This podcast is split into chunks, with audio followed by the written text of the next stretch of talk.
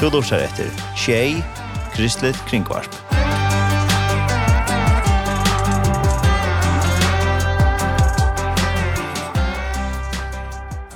Velkommen til morgensendisene, morgen av Tjei. Og her i Udorsson i dag er tar Erne Samuelsen. Og tas vi får hava skrån i dag, vi får høre tver samrøver som Iktus hever opptidje. Og Vi færa først at uh, har en samrøy vi Peter Meiden, som var leier i OM. Han andeist uh, fire havnørene arrangerende. Og Palian Jurus har gjort en samrøy vi han, og han opptøk han ble gjort i 2012. Østen var det da høyre en samrøy vi Bjarne Hansen, og han opptøkene er gjørt i 2018, og til Svenninga Lofte som er verst. Vi fer at uh, halda fram vi tåletje, vi fer at uh, høyre Magna Kristiansen, vi sanns noen stod jo da Aldo Peters. Musik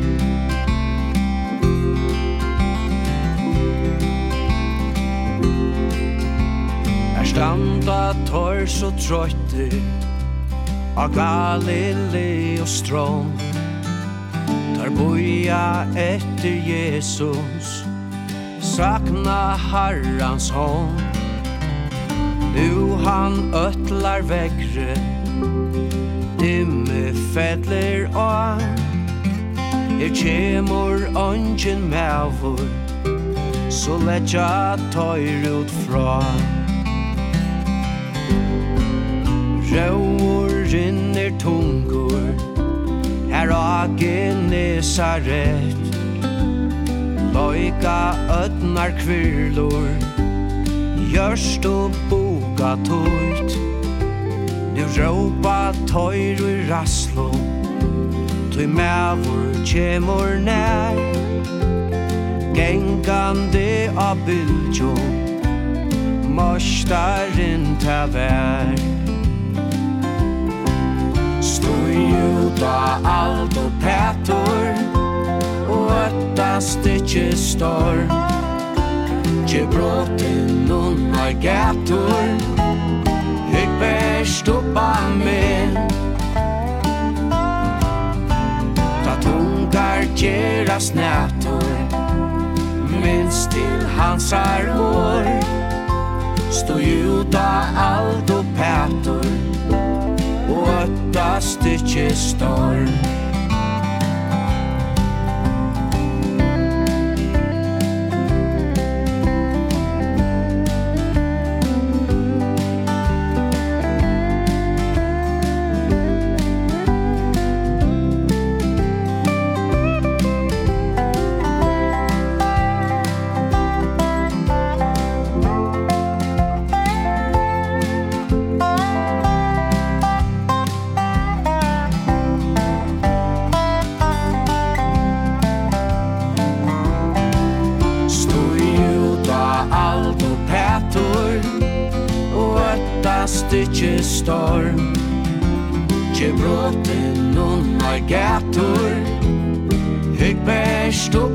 med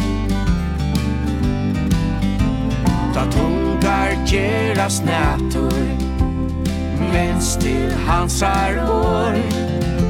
Stå juta ald och pätor Og ötta stycke storm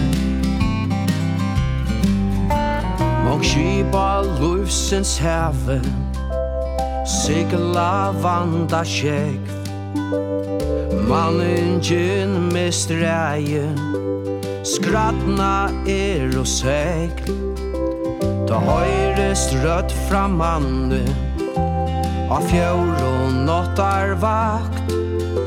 Stoi tryggur ut i stormen. Og loita harrans makt. Stoi ut av alt og petor og åtta stytje storm. Tje bråten unnar gator Hygg bärst uppa med. Da tungar geras nätor Minns till hansar år. Stå juda aldo pätor Og åtta ikkje storm.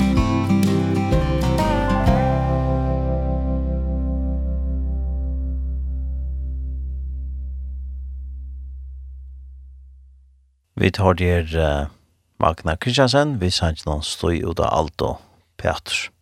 Det var av fløvne jo Magna, som øyder tja Jesus fann et han frien. Vi fann jo at uh, høyra anna samrøy vi Peter Meiden, og til Palian Djuros, som uh, gjør samrøvna. Og opptøkene gjørt i november vannet i 2012, han var vidja i fyrjon ta.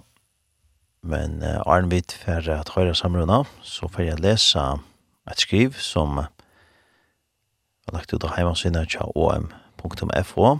Det var samband vi til at uh, han andeist i 2020, 1. juli 2020. Peter Meiten er slått heim til herran. Peter Maiden, fyrirande altsjåa leier i Operation Mobilization. Eh, da er jo i dag, 14. juli 2020, 22 år gammal. Peter Maiden var fødder i Carlisle i april 1984. Han møtte konen sinne Wynne og en ungdomsmøte i Hebron Evangelical Church i Carlisle. Han begynte starvast innan utnægn i Carlisle, men uh, medan han var vi OM og en sommertime og i Spania under Jan Rochei Trush, fikk han større av og i kristnare tjenest. Da han kom heim ur Spania, gjørtes han parster av Open Air Mission, og ferest vi Taimon i England og i Achamanner og prætika evangeliet. Til en av jære fyrre møtte han George Verver, som stående i OM, og i 1944 var han byen om at gjerast leier til OM i Sørabretland. Hesa tænastna røkte han i ive 20 år, inntil han blei fyrste altsjoa vera leier i OM i 1945.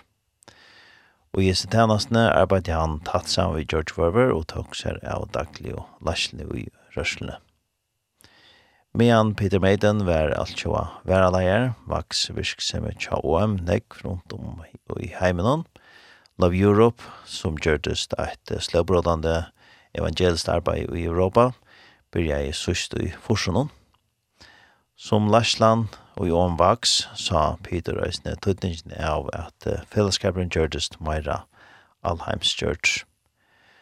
Ta evangeliske arbeid byrja jeg at flytta seg i større mån estretter og soretter, er jeg Peter til at brøyting skulle gjøkna surga OM. Og i 1998 kun gjørte George Verver at han kunne hugsa seg at fer fra som leier i OM, og Peter var ta kåsen at gjerast naste var leieren i fellesskapen. Handanen får fram i august 2003. Og jeg som leik lot noen viste Peter Meiden, i Ho og Hekne til Hirat Hannastå.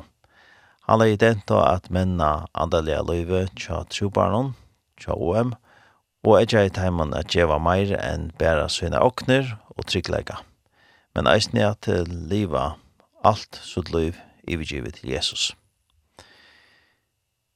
Peter Maiden leie eisne den da at menna lærsla tja fellesskapen i Afrika, Asia, Latinamerika, samstundes som han stod åtta fire vaksande tænastene tja OM innan halvdartænastene. Under hans her lærslo byrja jeg Nudjart tjenester, så som Sporsks Link International, ein vendingart tjenester innan evangelisering og i New Zealand. Det var reisende med han han var leiere, at Logos Hope byrja i Svina tjenester, og tog iver etter Dolos og Logos 2. Og i 2013 handa i Peter Maiden lærslina vi til Lawrence Tong ur Singapore, som sjálfur hei byrja sina tænastu vi Kipno. Peter Maiden og Kona Wynn flyttet ta til Kandal, sunnan for Carlisle, her de brukte tog saman vi bøtnen og badnabøtnen svinn.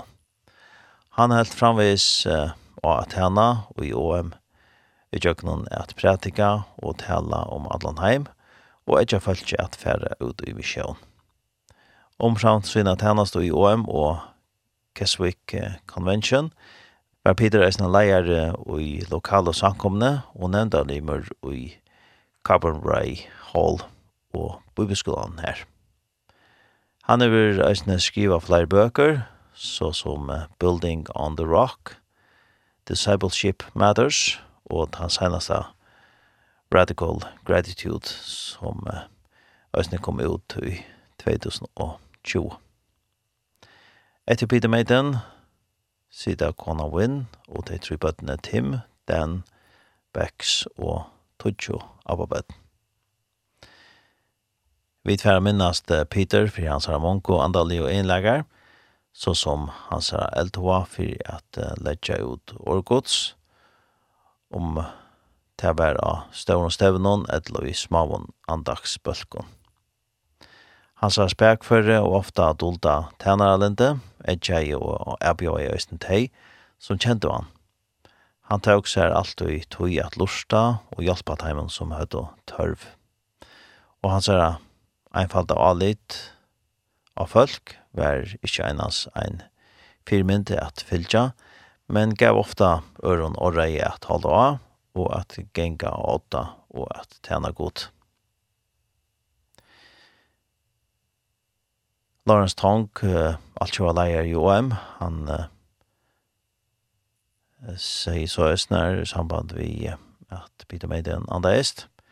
Brøver okkar er svårt saknaver, men arveren etter hans arbeid jo i OM, og i til større misjonene, at nå Atlanheimen, en så hans er gøska og vinnerlega, ver ikkje glemt. Og George Verver sier så øst, George Verver stående av OM, han sier Vi takkar gode for løyve tja Peter Meiden, og vi det at uh, einans og i himmelen søtja vi at alla søvna om Guds større arbeid og i hans herra løyve. Det var så en uh, grein som uh, stender inn i heimasine om.fo. Og som sagt så vidtja jeg Peter Meiden, og vi følger november var i 2012, og han andeist uh, 14. juli i 2020, uh, 72 år gammal. Så vi nu får vi det at uh, høyra av vi Peter Meidan, og et en opptøkka som Iktus har gjørst, og det er Banjan Djurus som er verst. Ja, så var vi dette her ved en sending uh, fra Iktus, Och vi flyr att du kan ha lagt mest till en ett uppslag som heter Imsa stände om inte annat och i de nekko samkommen salen. Och det är nettopp här som är Peter Maiden från OM som vi har bjöva här till en samröva och i det. Han kom senast eh, mycket där till förrjar och han har haft uh, møter høstkvalitet i oasene og frutjakvalitet i dansefrøy og hegane et uh, ungdomstiltak Og allan leierdagen og i dansefrøy eisen heian et uh, seminar om uh, misjon og om uh, Laslo uh, og misjon, eller Laslo i heila tidsen. Og, uh, og så var jeg. Han har vært til stora uh, glede for nekvese her degene han har vært. Og nå har vi bjøvånen her til samrøv og vi får at uh, vi det er spennende han har at fortelle okken. So, uh, Peter Maiden, I was just uh, uh, introducing you all, telling them uh, when you came to the Faroes and uh, what you've been doing these last days. Mm -hmm. But um, uh, welcome to the Faroes. Thank you and, very much. Uh, uh, and uh, welcome to the, studio, the ICTO studio. Thank you. And welcome to share with us from your life mm. and so on. But first of all, I would like you to tell us a little bit about your eh, childhood. Mm -hmm. Jeg har spurt han jo og vi har nå fortalt, fortalt dere synder om uh, hans badne år, og til ferien, og så får jeg røyne at uh, tolka det så kvart som han sier det, så jeg råkner vi at vi får noe på sjulesen her. Well, firstly, let me say what a joy it's been to be in the Faroes. Ja, yeah, lad mig först säga hur en glädje det är att vara här i Absolutely stunningly beautiful islands. Og eg vet ikki, eg finner ikki ord för at lysa hur så vackra dessa öarna. And it's been great to get to know so many Christians in in a brief time. Og det är så fint det när jag her, vara. Eh, er det kommer att känna så många tryckvande här i As far as my childhood is concerned, Vi har kjent med noen batten Aron. I had the great privilege of being born into a very committed Christian family. Var det min store framkjøretter av å være føtter inn i en en en ja evig juna tryggvande familj. My father was quite a well-known preacher in England. Papa min han var en kjente predikamæver i England. So I actually became a Christian probably on my mother's knee. So aller helst er jeg blivet en, en, en tryggvande, en personlig tryggvande av knøven og tja mamma min. Somewhere around the age of six or seven, I fell in love with Jesus. Ja, jeg kan se det såleis at omlai seks tjejer alder, Ja, ta blev ta fatt det för Jesus og blei förälskad i Jesus. In my teenage years there was some rebellion.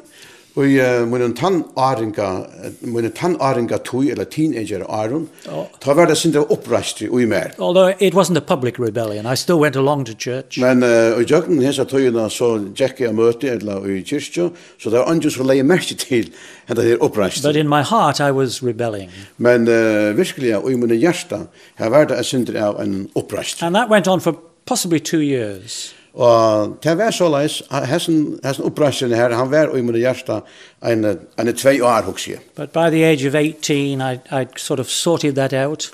Men så fikk jeg lukka som skil av av hessen her som leika i av min hjärsta, ta jeg var omlai 18 år gammal. And uh, since the age of 18, I've been a committed follower of the Lord Jesus. Og så gjerne jeg var 18 år gammal, kan jeg si at jeg har vært en ivigiven fylgjare av tja, uh, tja Jesus. Jesus. Yes. Um, uh, well, uh, before we uh, we go on, are there any are there any preachers in your during your youth or Bible teachers that had a special impact on you apart from your father? You said your father was yeah. a, a preacher. Nu spyr jag yeah. han om han uh, om det är några uh, särskilda talare som har haft ett särskilt uh, intryck, just särskilt intryck av han i hans ungdoms åren. I think the man who's had the greatest impact on my life is a man called John Stott.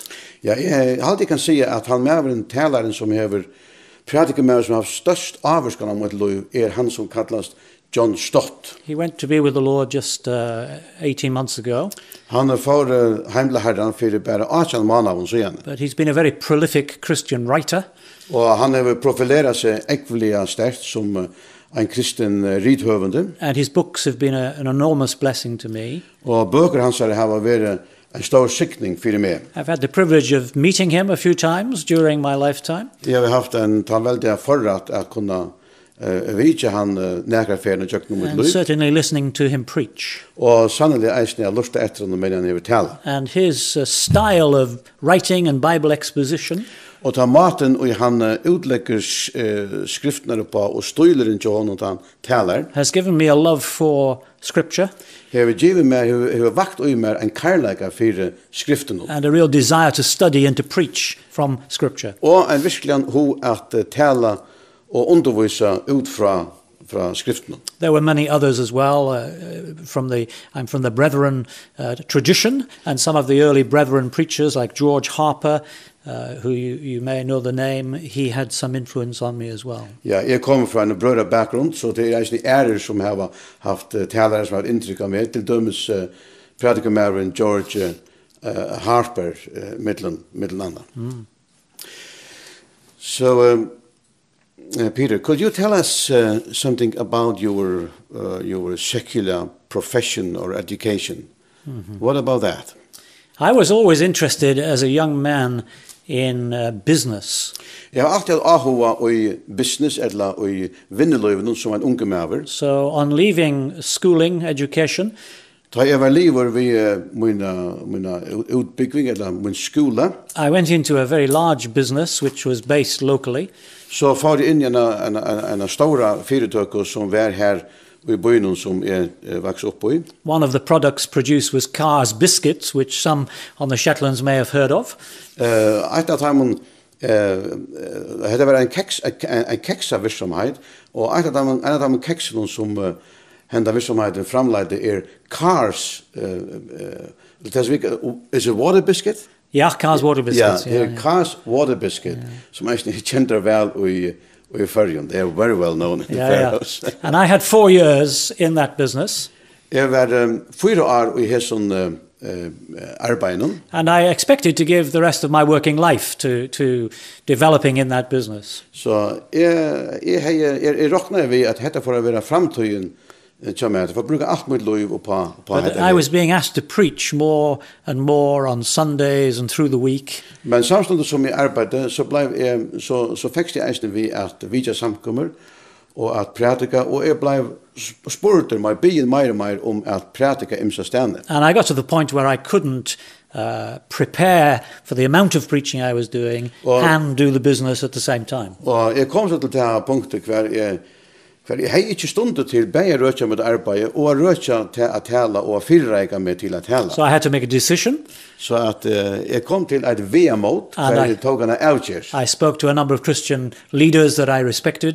Og jeg får prata vi nekra at han andalige leierne som jeg har stora respekt for. And they all advised me to give up the business and give myself full time to preaching and teaching. Og tenk over meg til, til reiene at... Um, at uh, mulig gjevast vi min arbeid og, og kasta meg ut i fotla tog at tala Guds ord. So that's been my life for the last 42 years. Og så det skjedde vært meg de senaste 42 årene.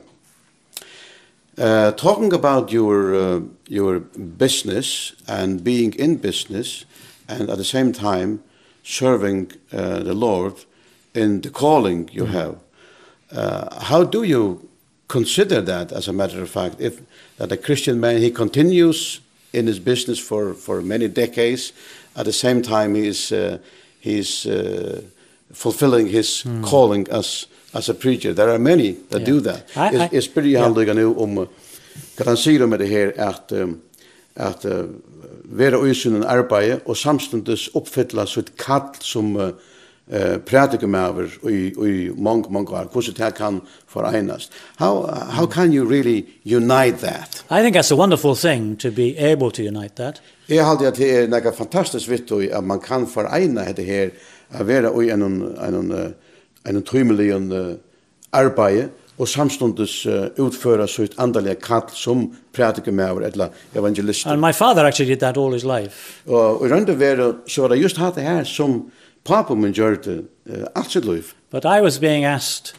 too frequently to preach many times each week. Ja, men i mine förra var det såleis at jeg blei bare oftare og oftare uh, byen om at, uh, at tala. There's a part of me which would have liked to have continued to combine the two.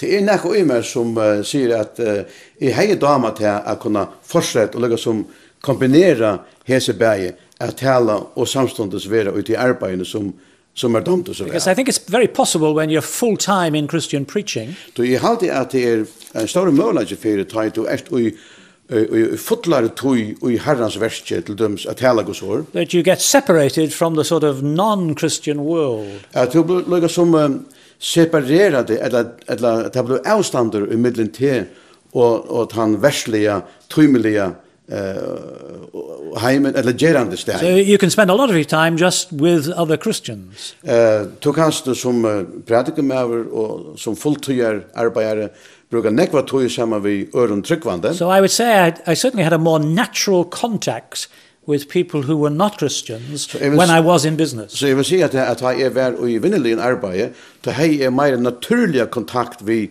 vi vi andre som som kanskje ikke eh var folk som kommer till möte eller i kyrkan eller kanske var eh inte tryggvande personer. And I think for many people that's the way to go to combine your working life, your business life with your teaching and preaching. Eh och jag tycker vi hade det rätta att tja många tryggvande att agera att kombinera eh förena sitt sitt andliga kall nämligen vi sitt uh, tymliga uh, arbete. Det är absolut fyra månader.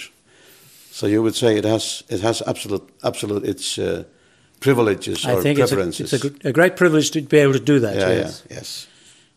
Well, I think uh, that we have um, we have already covered quite a lot.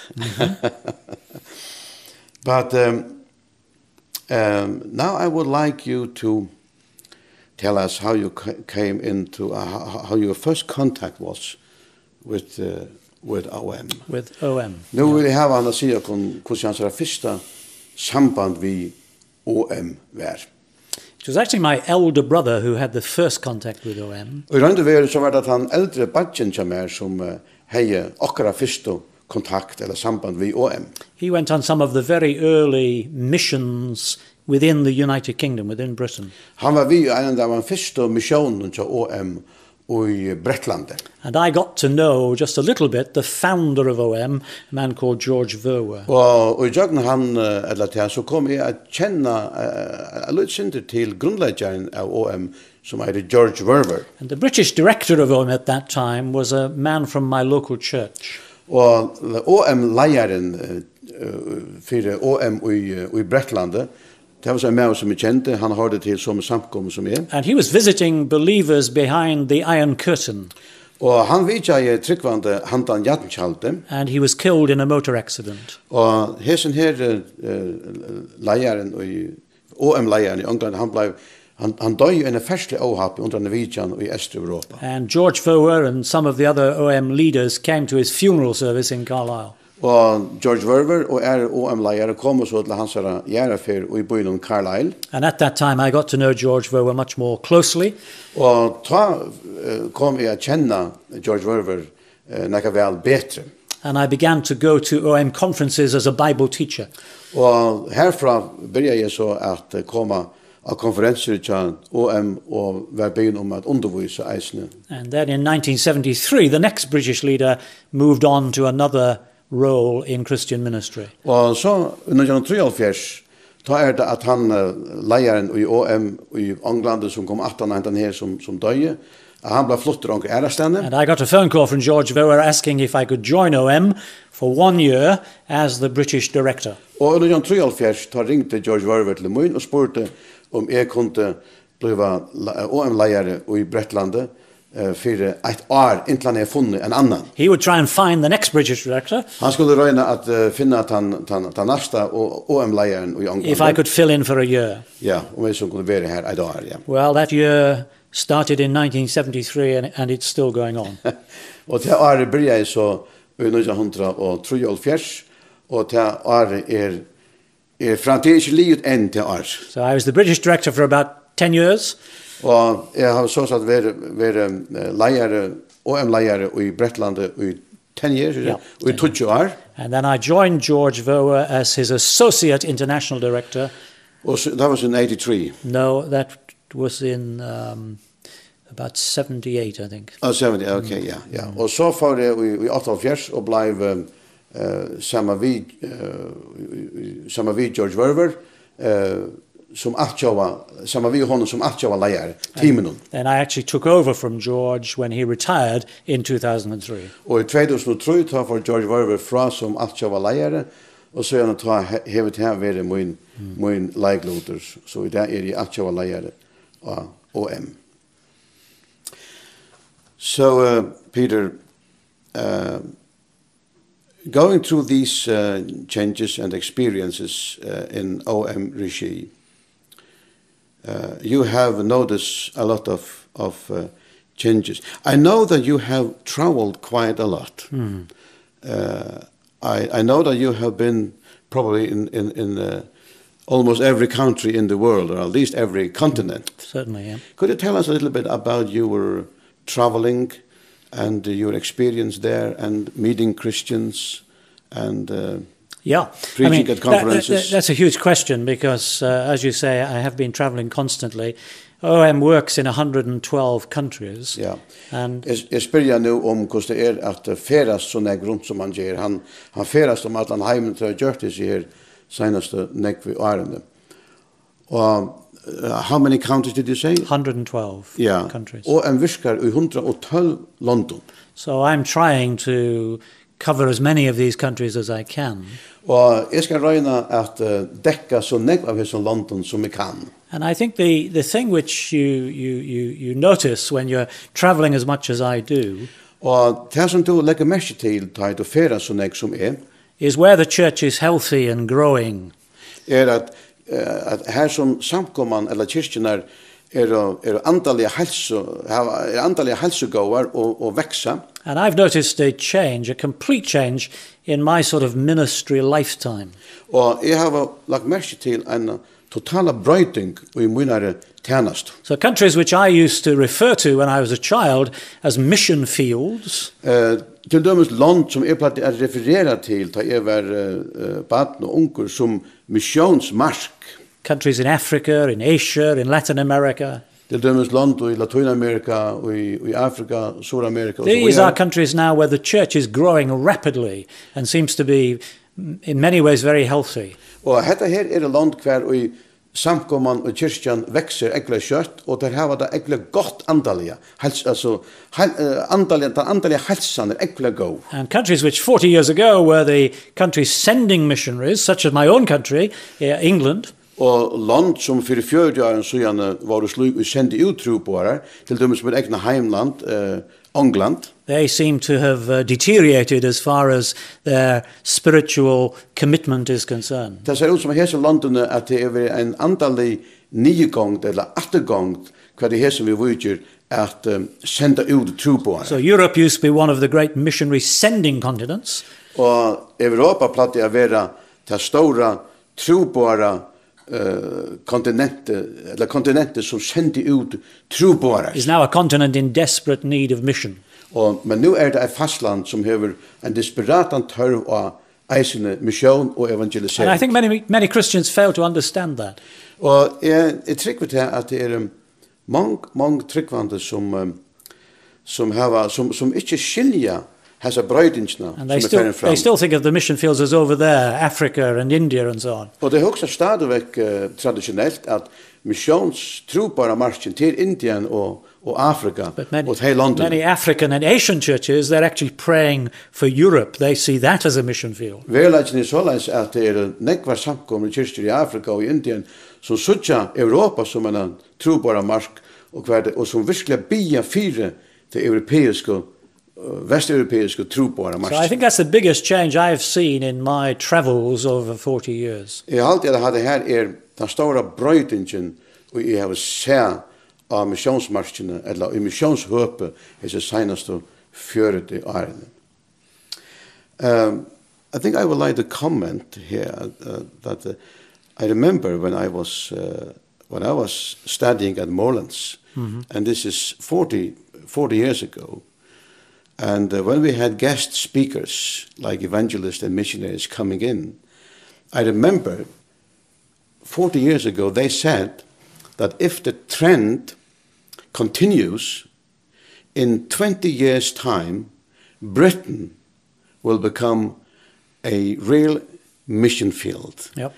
Eh, sier vi nu at ta er vær av bibelskola fyrir 40 åren sujane, at ta i ta kommer eh främmande talare, troborar och evangelister att eh, undervisa av skolan så minns det väl där skött att eh, hvis vi vi utav gånger som du gick här till så är England eller Bretland om 20 år en missionsmarsk i Årsens sondermersing om 20 år. Hetta var i 72, 71.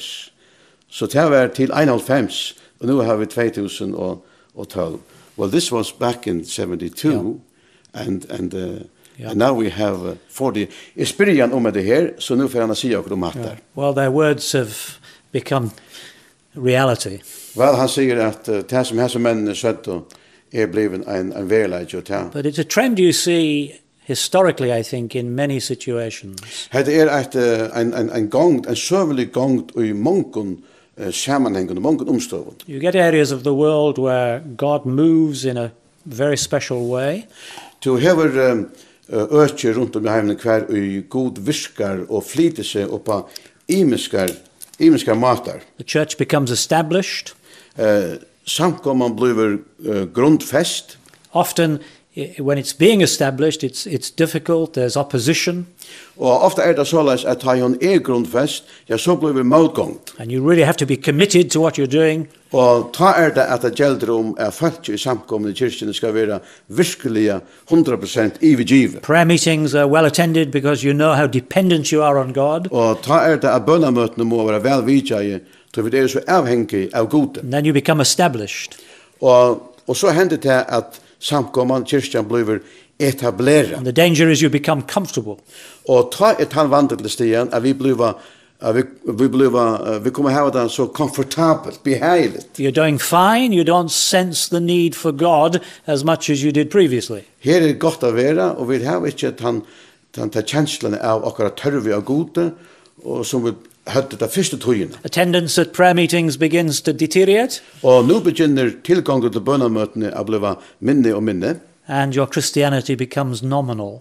Og kristendomeren uh, blir nominelle, eller en navn kristendommer bare. So you're a Christian at 11 o'clock on a Sunday morning. Ja, man er kristen, eller en tryggvande klokkan 11 en sundag morgen. But to what degree is it affecting your life on Monday and Tuesday? Men i hvert mal hevet det avskan av okkon manadagen, torsdagen, migdagen og jokken One of my prayers for the church as it grows in Asia and Africa. Ein av mine virkelig forbønnen for samkommene som hun uh, växer i Asien till dömes. Is that there will be real discipling of those who come to faith. At uh, at det virkelig må være såleis at de som kommer til trygg virkelig blir gjort til læresveinar. And that this uh, work will, will grow from generation to generation and not deteriorate. Og at dette her arbeidet vil, vil, vil, vil tega til og vaksa og i gjøknun generasjonsskiftene og ikke hinvein minka. Mm -hmm. Yes. Uh, Peter, I think about um, the Muslim influence today. Mm -hmm uh, in Europe, we talk a lot about uh, influence, uh, the, the Islamic mm -hmm. and Muslim impact. Yep. And uh, many Muslims that moved to, to, to, to Western Europe mm -hmm. and set up their mosques and so on. Mm -hmm. uh, and you must have seen and met many uh, Muslims uh, during your lifetime or during your ministry and, uh, and uh, probably also faced many of, of them and been spoken into these situations, mm preaching mm -hmm. into these situations. Mm -hmm. What are your comments on that? The Muslim question mm -hmm. in Europe today. I, I would say two or three things about Islam in Europe. Ja, nu spurte jeg en om uh, uh, de muslimske avvarskanene som er i det i uh, Europa, og at det er sånne nekve muslimer i Europa eh, Europa. Och därför kan jag si några noe ting om. Jeg har några ting att säga om det här sidan. Of course there's been large numbers of Muslim immigrants coming into Europe and settling in the major cities. Det har varit stor, störst tal av muslimer som kommer in i in, in, in till Europa eller flyttar in till Europa och som har bosett seg i byen. And they've been building mosques og tar hava uh, rast upp sina moskéer. And of course we live in democracies where we believe in human and religious freedom. Og sjávandi vi liva, vi bygga i en demokrati kvar vi sia vi hava truar uh, fratse. And I think it's perfectly right that we allow Muslims to build their mosques and worship Allah as they choose to, to do. Og jeg hadde det fullkomlig rett at vi gjør dem løyve til å bytja moskéer og at de kunne tilbe sin god eller Allah. I do wish that in many Muslim lands the same freedoms were offered to Christians who want to worship there. Og samstund vil de yngst at uh, hetta sama franse var givi okkum kristnu ut av muslimsko London. The vast majority of Muslims become wonderful neighbors. Eh, ta stóra tale av muslimun eru góður grannar at hava. They're peace loving people.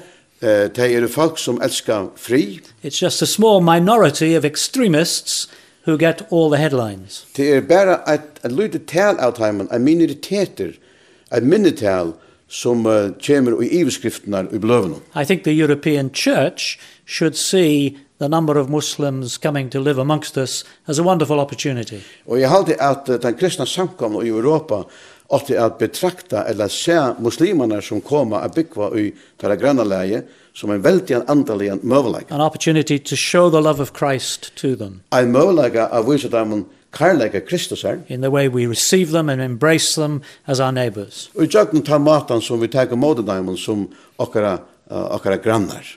And of course it's been a great joy to see a few, not many, but a few Muslims actually coming to be followers of Jesus. Og til er sannelig en, en glede at hava seg nekra av hese muslimen kommer at fylgjast vi Kristus. But it's a great opportunity for us. Men hetta er en veldig möjlighet, en veldig avbjöring för oss kristna i Europa. Takk fyrir, det. Thank you very much. Mm. Um, I would like you to uh, to tell us something about Logos Hope. Some years ago, you um, you bought a new vessel, mm. missionary vessel, mm. and this happened to be our what should I say our pride our yeah. maritime pride. Yeah. and uh, you bought it. Yeah yeah. And uh, we are very happy for that. Yeah. But um, by the way when we are in the ship ministry could you just cover the ship ministry in, the, in the, yeah. not too long? Yeah. Uh, you could hugsa mig vi får ta som log I think logos hope new men uh, OM har vi jo next ship? Där finns ett fisk där för några år så gärna så han får lycka se några år om om Shiba Tanasna. If you could say some words about the ship ministry. Yeah. Well, I'd like to thank uh, the people of the Faroes, first of all, for a lovely vessel.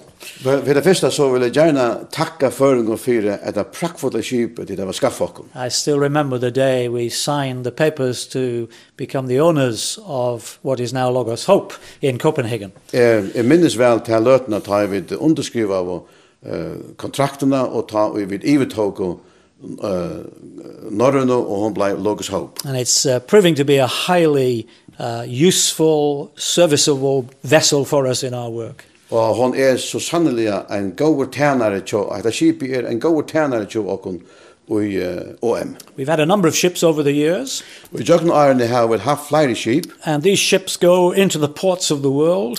Hese skipene færa inn, ledger inn i de imiske havnene rundt om i heimen. 300-400 Christians on board.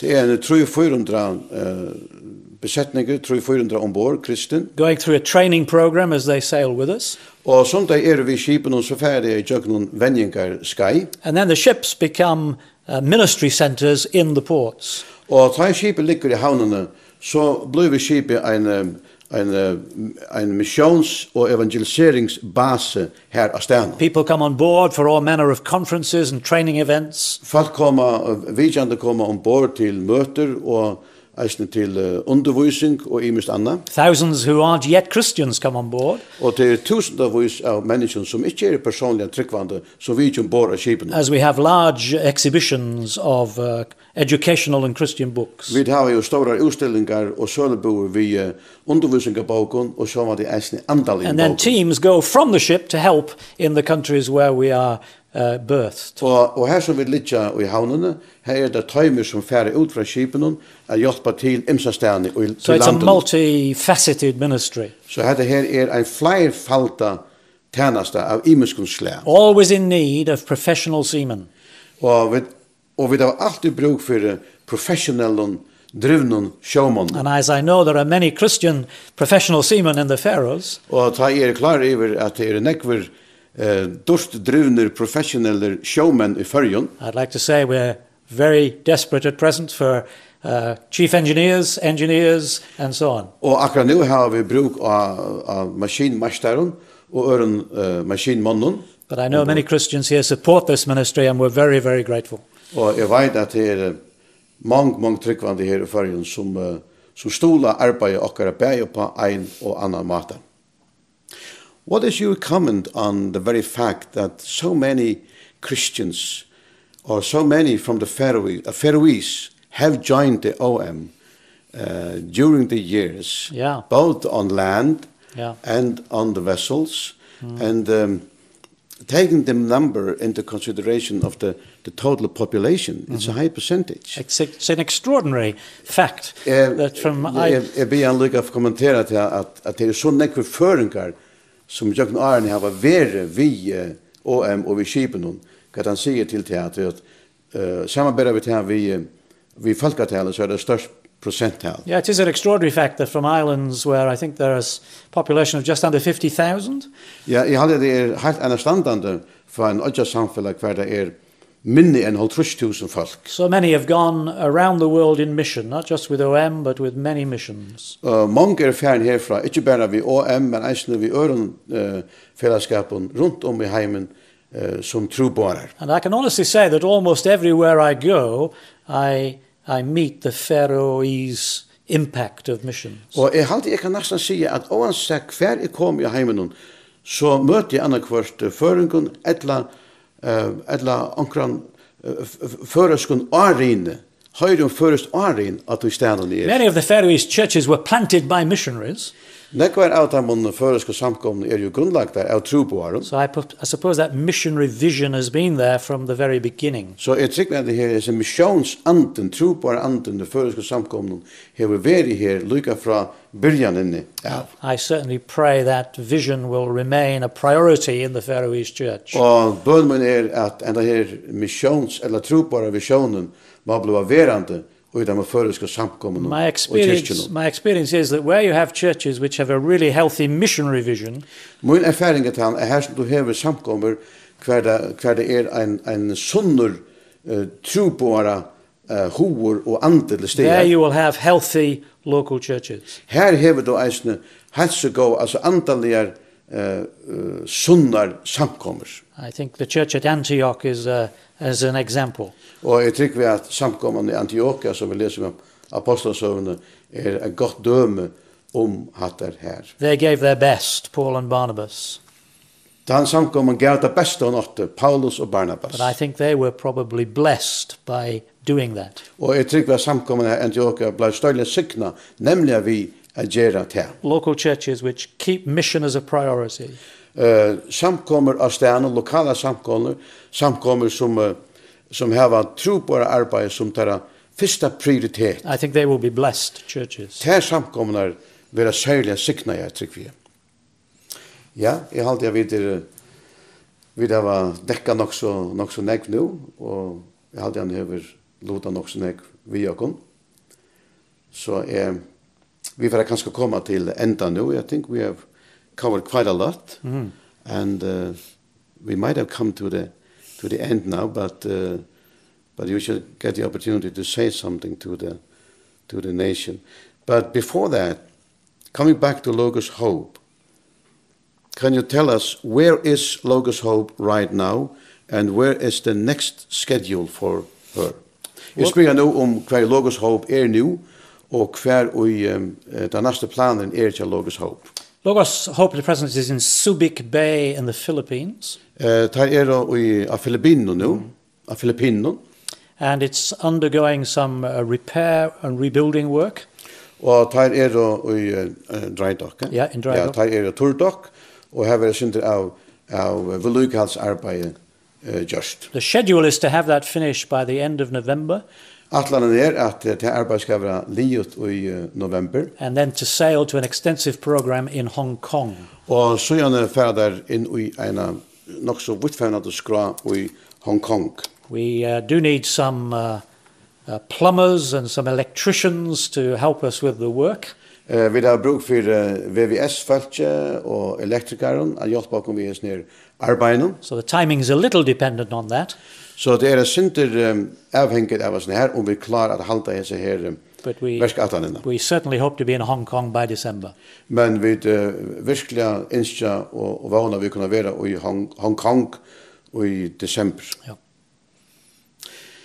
Uh, I kind of think about one issue now. I know that, well, we, we, we, we know that, um, that uh, on sea today we have the problem of pirates. Mm especially along the Somali coast and, mm -hmm. and ocean there. And, um, and I know that um, Logos Hope, uh, well, they were, they, were, they, they were almost in a yep. pirate, yep. serious situation. Mm -hmm. Um, det som spyrir om nu er at det her vi piraten, som vi høyra sånn om uh, utfyrir Somalia, strand, strandene, Og uh, Logos Hope uh, hever nestan vere uh, oppjoi enn slukon tilfelde og ta ver som er Peter og Tralskirke og, og, og Anna, konan særa. De var vi ta og, og er føringar eisne. Jeg kunne også mer at han sier akkurat om hese her situasjonene. So what do you say about this uh, pirate uh, situation or, or how do you deal with that? Well, I have no idea how the nations of the world should deal with the piracy. Well, jeg vet ikke hvordan jo nasjoner, tersiklande nasjoner, og i heimen hun skulle uh, arbeide vi i sin her, i sin. I mean, most of it comes from the tragic country of Somalia. Uh, det mest av oss nere kommer fra oss nere, uh, sorgar uh, rakta landen i Somalia. And I think we, we should, should all be praying for that tragic nation. Og jeg halte vi skulle at bia fyrir hessar her nasjonen Somalia som er så hardt rakt. Again, that healthy government can be established there. At til dømes at en, at en, at en ratta regeringen eller støtten kan, kan komme her. And something can be done for the desperate poverty of the people og at nega kan bli just fyrir den stora fatrakadømen som er her i middelen befolkningen. For ourselves, when we passed through these waters about, I think it was about six or nine months ago. Ja, fyrir uh, kvart okkon sjálfum vi vujtjur i OM, ta vi færa syklandi og jöknun hattar uh, jöknun handan sjekkvinne, eller hattar farvatne, Og jeg halte for en nutju manna av søgjane. Yeah, we took some extra security people on board.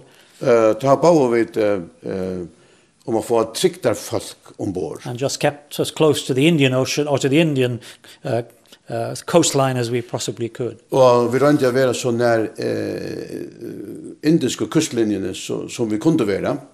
Ja. Yeah. So you managed that. We managed yeah. by God's grace. Yeah, God's grace, yes. Well, uh, Peter, there are many, many issues mm. that we have to pray for. Til nek evner vi kunne hava a bia fyrir. There are many issues we can yeah. pray for, eh? Yeah, yeah. absolutely. Yeah. So, Peter, what would you like uh, as your concluding uh, words here in the interview to say to us Christians in all the churches and denominations in the Faroe Islands? Jeg spyr nå hva er hans herre nå vi får enda, hvor hans herre bådskaper er til okken tryggvande her i Førjun, og i øtlund samkommun i Førjun. Well, it's been a real joy and a privilege to visit the Faroes. Det har vært en glede og en framgångsrakt at vidja i Färjön. My background is to have worshipped with brethren assemblies in England.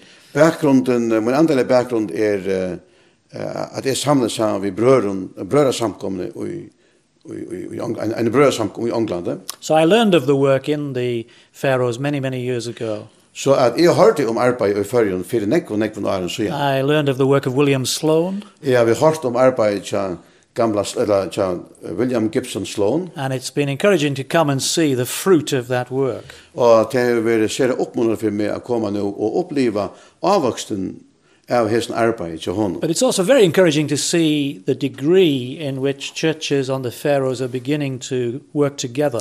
Og til eisne å sutja og kvad mal samkom, der imiske samkomnar i fyrjun, byrja lukka som at arbeid er sinde saman. And I think when it comes to mission and world mission, Så jeg tror det kommer til det her misjon og heimsmisjon. The more the denominations, the Christian movements can work together, the better.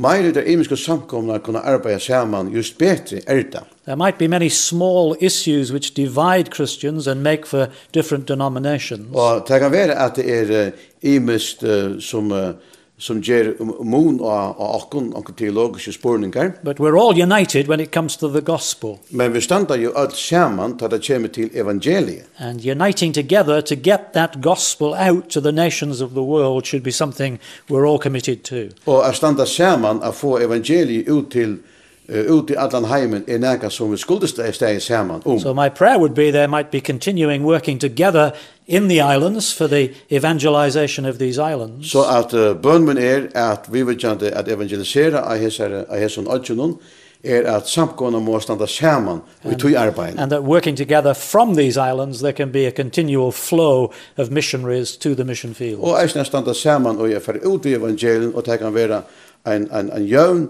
uh, utgång vid evangelien fra hesen. And remember those mission fields will be as much in Europe as in Africa or Asia. Og nu skal vi minnes til at henda her trobara marsjen, hon er lykka som nekv eh, tatt til okken som, altså, i Europa som er i Asien, Afrika og Erastan. But it's been a great joy to visit and a great joy to talk with you this afternoon. Det har vært en veldig glede at være her, og det har eisen vært en stor glede å kunne uh, prata med tikkene her i Iktus. Thank you very much. Takk fyrir. Thank you. Well, Peter, thank you very much, and um, I wish you God's blessings. Thank you. And I wish uh, the blessing also on the work of OM. Thank you very much indeed. Thank, thank you very much. Thank you. Så vi tackar för det. Jag vill ha haft ikara eh, tog hese her løtna, sa vi Peter Meiten, og la dere minnes til det som han hever lagt dere av hjertet, a bia fire hesum tinkum. Jeg ber missions, misjonsmarskene som nu ligger så tatt oppe at tjåkken, og i Bretlandet, og, og i Europa, og ærastene eisene, at evangeliet må komme, og det alltid må være så leis, at vi brenner for evangelien, og at vi har samkommer i førjen, som alltid brenner for at kunne komme ut ved evangelien. Så Herren sikne til kunne og takk for. Vi tar var hørst denne samrøy vi Peter Maiden, og ta var Baljan Djurus, som uh, gjør samrøyene, og det var uh, en opptøke fra november i 2012. Peter Maiden, han andeist uh, 1. juli 2020, 42 år gammal. Og han var uh, alt jo leier for OM og i nek nek var. Vi fer at uh, har sin tonlage nå, og er vi fer at ta neste innsleie, og vi fer at høre MC Restor sammen med flere, og sangrøyder Føringar.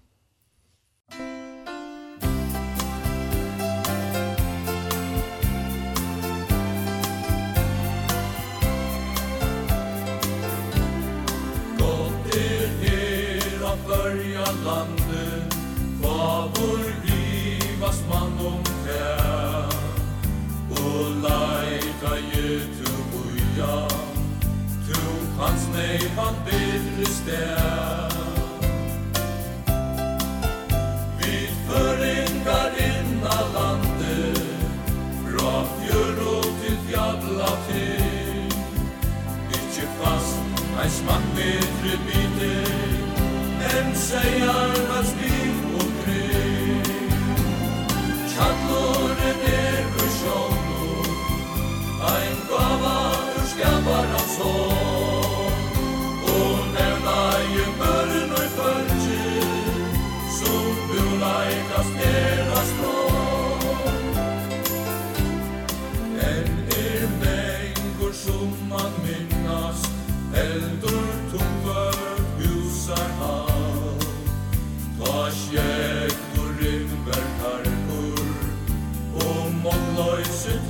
servar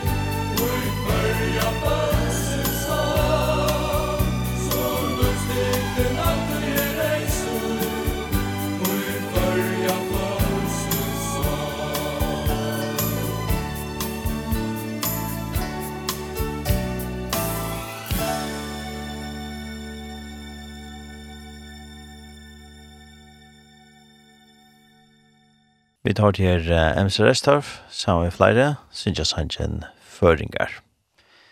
Nå får jeg vite at uh, lortet etter en her uh, samrøve, som Svennik Lofte har gjort, og etter en opptøkka fra Iktus. Opptøkkerne er gjort i junemåned i 2018. Det er en samrøve vi Bjartna Hansen, her han greier fra oppvokstre, arbeidet, frelse og imest anna fra hans her liv. Ja, velkommen i så sendingene. Det er en samrøver som er ferdig her med Bjartna, Hansen og Ronavik. Bjartne? Ja. Jeg ferdig be deg om å si meg det sendte fra uh, Løyvnen kjad og atter til foreldrene og syskene i Hørsvøy. Du er født i 1920. Ja. Ja, og vi var åtta syskene fyra dronjer og fyra jenter. Og den eldste, han at han speter, han var, han var bønt, eller jeg, ja, pappa var bønt, han ble så til. Og den neste var en jenta, han hatt båtel, Hon var gift, bra gift vid Herman Hermansen i Høsvig. Og så var en en jenta som er Petrea. Hun var gift ut i Hofton, med hans Reinar Olsen. Og så halde jeg at Edvard var, i halde han over i 18 av Petrea. Og han døg ved Nelsøyden, han var 18 år gammel da, da han før. Og da var, det var tøytje høstsingar som som får igjen. Så det var, var rørlig skratt. Ja. Vi kommer alltid til det om Anna Løtå, at tar seg om det sødna, som første i 1935. 34. 34 var det, ja. Høyr, men kan du nevne sin pap, det var bønder sitt, og han var æsne batasmeier. Ja. Og det var, altså, da var det så løs at Da jeg kom også til Sundaland, så, så, så kunne jeg bare si at hvor papen var vært. Da han kjente det alt. Og det er da så galt, ja, nå må jeg si at hvor, hvor sinner er. Så hvis jeg sier til meg at han kjenner alt løsen, så det, det er bare det at det er rundt land. Ja.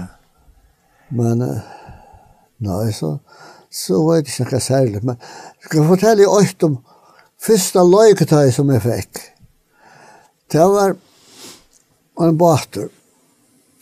Jeg gikk og meila en pappa om å gjøre meg en båt. Og det var en som, han var en, en av seks tommer lenker og så. Han, han tog, uh, tog øksene og så høgte han han til. Det, det var en som han, han gjorde en båt i høytjøsene, det minnes. Og, og høgte han til og så fikk, fikk han.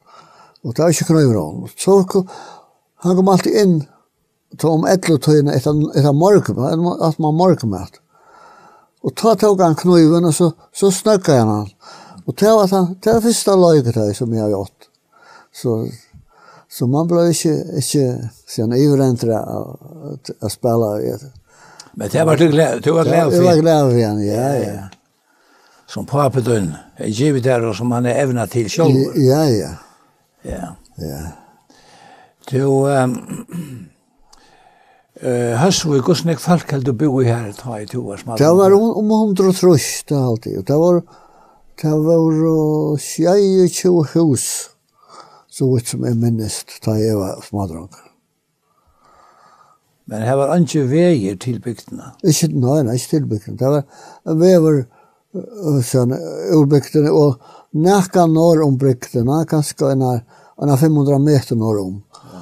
Og det var til hästar kvar etter, det var Det i fint.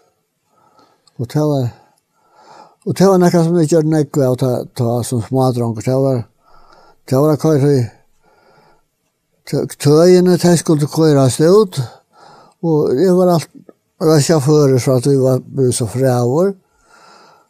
Og, og så Og hodset det skulle køres inn, så det var nekva køyre. Og nekva det vanlige arbeidene som var gjort av bygd. Ja. Eh, ta. Og ja, pappa var bønder sitt, ja. så to varst det fjallet og, ja, ja. og hjalte til vi ødlund tog. Ja. Og kom å kjenne til alt det arbeidet. Ja, ja, det er det. Ja, og altså... Men det var, jeg skulle si at jeg var, jeg var ikke nek, nek fyrst, tror jeg, jeg kjente så et la seg, eller jeg kjente ikke seg. Jeg åtte henne kjenning der, hun var grå, det jeg visste jeg. Men jeg kjente henne noen gang, til fjallmenn rett til frakt, da jeg rätt säger stå rätt og sier, du, är rett at hon er, du då visste det at jeg visste det ikke. så så det var nog så tullig avgjort att jag kunde inte vara bönt det det det det det är inte det er ikke kun hoksamare, jeg vet ikke hvor, men han, det er alltid vært gav og kreatur, det er ikke på den måten. Men så, det, hvis man, tar man var så som en tjej og her og her omkring, man får ut til rundt garsen da. Det var nok så lengt. Så platt det å si, om garsen, nå, er toft amerikaner, og altså, så sagt ankra bønderne toft og kom, nei, det er de man løyt, det er jo. Han kallar for bønd. ja det er det er han hot. Men det er jo, men mjölkabaten, det har skilt her. Det tar skilt, og ta tar rau, tar rau ombord. Og pappa var annars, det var han som hei posten, og og, og mörka han. er Paul Paul Paul Paulsen, Paul Tofton. Han var en en helt stor maur. Og så gott ut, det er folk sjek. Och pappa rå alltid vi honom bor. Och det var så lös. Da mørka kom, så, så kom, så var alltid nek folk uh, her så båten skulle, han är sex man affär på hon, och han skulle så drejas ur nesten, och han blev alltid dreien i näste at han var. Och han blev lukt brukt och löjt till löjt i når jeg kom bor. Och så var Paul var nog så hastig og så där, men det gikk kjøtt ur honom. Men det, det är, men Axel, og og øyre seg vi med søgjene vi med og helt at at tar tar høstgavgur av vel samanbøyer ja. Ja. Ja så Jo, eh, Bjarne, det er jo som det antallet løyve som var i høst og i tak, altså greier sin fra tog.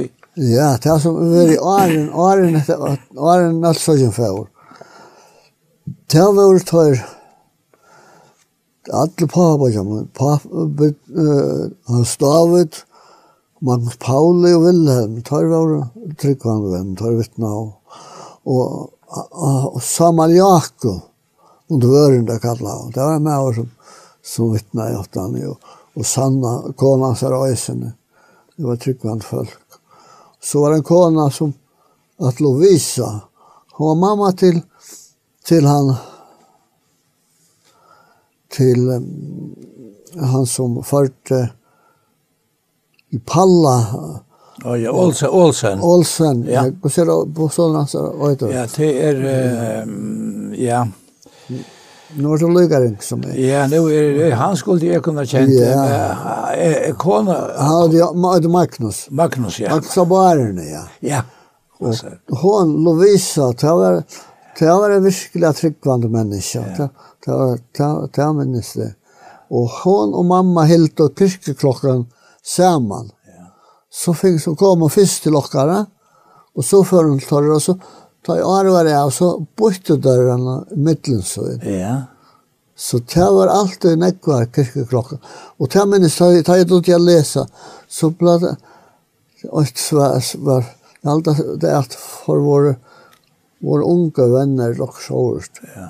Ja. Det var för bad. Ja. Det minns det det läs var allt bättre det så det. Ja. Så det var en gagglig blä som kom i huset. Ja, ja, ja. Fick antal förje. Ja, ja. Tandvägen, ja. ja. Jo, det du vet något hos med det här andaliga löjve här och eh det var sundagsskola. Ja, det var inte det alltså første jeg minnes, da var en, hun var datter til Gottmund. Gottmund Damberg. Ja. Hun er godlet. Hun var gift ved Hans Charlotteres, ja. ja. Hun har sundagsskola, først som jeg minnes. Ja.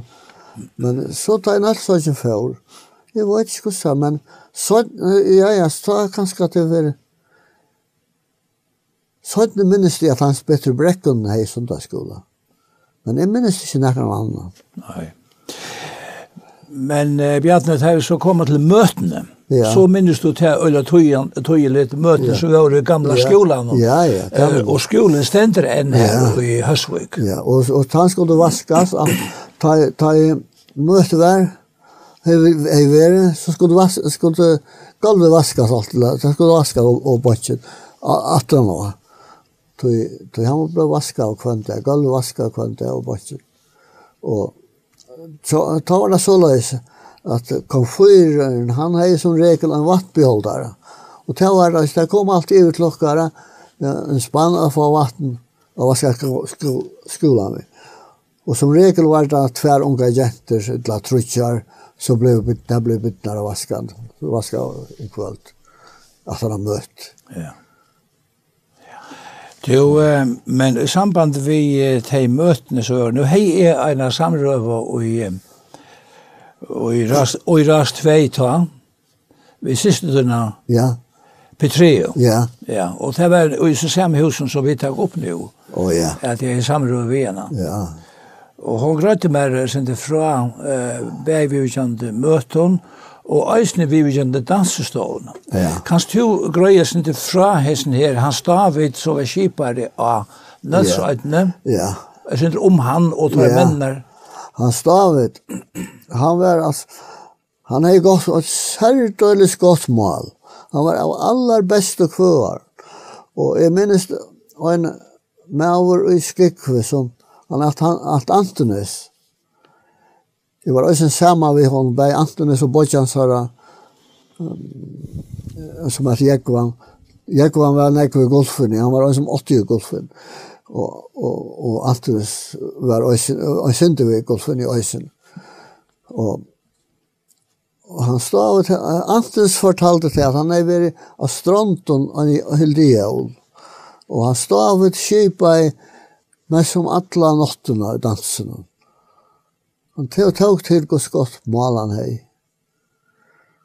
Og da han sjålvan det så, så blir han omvendrun av her.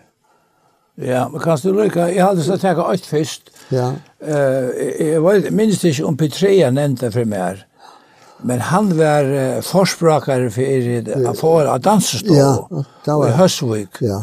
Og hon blei, det var en gammel hus når i Vuk, oh, ja. som blev kjøpt og flott til Høsvikar, og hans David var som sagt en fyrirsprakkar for tog. Ja, det var han. Ja, ja. Og han, jeg minnes øysene, ta, ta, ta som jeg minnes han, ta var han, ta, ta var han omvendt, og ta plagde han å synge av møten solo. Han sänkade den her chansen, utanför eller utanför. Det han minnes det gott. Och godt gott, han, han var en kvitar trötts och, och, og jakk, altså, i klotten, kvitar trötts och namn til jakkan. Det han minnes det gott. Ja, ja. Och jag minns att, att uh, Ja, og tøymen som var jo en allsøytene, hun i stoven her i huset, i Høsvig, badnøymen kommer her. Det er populært å gjøre. Han, det var han, vi klaks, bøtje til, til bisp, Moj Rohan, han, Robert. Bøtje, ja, Robert, og tar. at det var han som, han, forslag i bøylet. Ja, ja. Jeg sendte nye det er Gustav, det var ikke. Han gjør det så etter bøylet. Og her er, ja, det, det kunne være interessant å ha haft det bøylet, men jeg vet ikke hvordan man skal få av hvert ruta. Nei. Men to, uh, Petrea, siste du nevnte, ta for meg til sendingene om at, at hun minnest uh, hans David, ja. at han, har kommet til trygg og ja. Han var så harmer om at han er finnet dansestående ja. til bygdene. Ja. Og han uh, ber om at hente dansestående skulle uh, fære, ja, kan ja, man ja, si, av ennån. Ja, ja. Hva var det du å si om det? Ja, ja, det, altså det var det om, det er det som på tre og fortalt for meg. Ja. Hun sier hun stod i stoven da tjokken, og hukte i år. Og han stod, og hun i samme vike, som han stod av det i byen, så hun när han affär. Han stod av ett väl god tacka dansstolarna. Bärna lät henne västan kvill och tacka dansstolarna. Ja. Konkret. Ja, men kan du säga men är så bönna här en by an en möte. En möte i skolan. I skolan. I möte i skolan. Ja. Och alla har det här. Ja, ja og og og på tre stod i stoven da så sa han det är han for og hun säger til at at hun lastar seg og, og så snärar hun til vuxen som det ena hjärnet vill de ikke slippe Men, men så, så släppte det. Og så får hun og i høylen ut i vuxerna. og hun splittra i sånt da hun var kommer i vuxen. Ja. Og så och så hon kvar vi tog. Ja, men så fortalde du mig näka om att her att ja at en, en takplata Ja. av dansestående var funden av Stjern Fjell Kjøttel. Hun stod, hun stod etter endan at, nyer i, i, i svøren, i, i skalaskar. Og jeg var bare en av gynsi ska, om skalaskar. Det var, jeg, for, jeg var første år gammal for til skalar og be Johannes av Beting og spyrja om, om, om, om læreplass. Men det var så nekkur om boi, så jeg fikk, fikk ikke til øynens ferie. Og så sjølvan så gikk at det for akkurat at det selv at det. Og ta sørst og tekplatene? Ta, ta, ta seg i takk tekplatene, ja. ja. Gåsen jeg var nødsing, nei, gåsen jeg var um, høstfiskingar fjørest vi innhaldsreitene? Jeg hadde vært trygg. Kom til råkne. Og fløyre av tøynen alle er nærmast. Ja, det var, det var trygg på pappa bare Og og bøtjemann, og med til en av fastemunna, han er Johannes, Johannes i Brekkene, pappa til, til Tøyre Brekkene, ja. til hans Erland. Og, og så da jeg var et siste nabaten mot til for. Han var sånn til Thomas Paulsen Thomas Skalander Kotlava. Han er Magnus. Ja. Ja, han har bare Petrina, til Rikard. Ja, til Rikard i Klaksvig. Ja. Ja, nemlig. Jakobsen, Rikard ja. Jakobsen, ja. Ja. ja. Jo, um, men, uh, men ta i to så blir du halvvaksen. Ja. Og ikke gjør hod til bøndaskap og, ja. og sånne kan. Så ja. husker jeg dem også annet. Ja, ja. Så jeg tenkte alltid om, om smiv, jansmiv. At det ble blikksmiv, det var... Er, Det var tog at jeg har ikke finnet noe. Jeg rønte å finne akkurat læreplass. Men så var det Johan, Vestmann og Johan som kallet og kukla for det.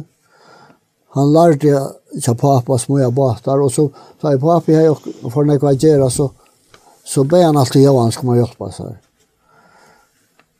Og, og så gramte jeg med rummet for Johan, så Johan sier så, snakka vi Erling, Erling Høgnesen, krakkut, han, han var slekta av Foglaver. Og jo, jo, han, han helt det, Johan sier så at Nu Erling var han var han var allmäntliga stor med över allmän inte inte han var inte inte några lojal med men inte största mål men han Johan helt med att det var bara gott att det var lojt till så pjotsan inte så djupt till.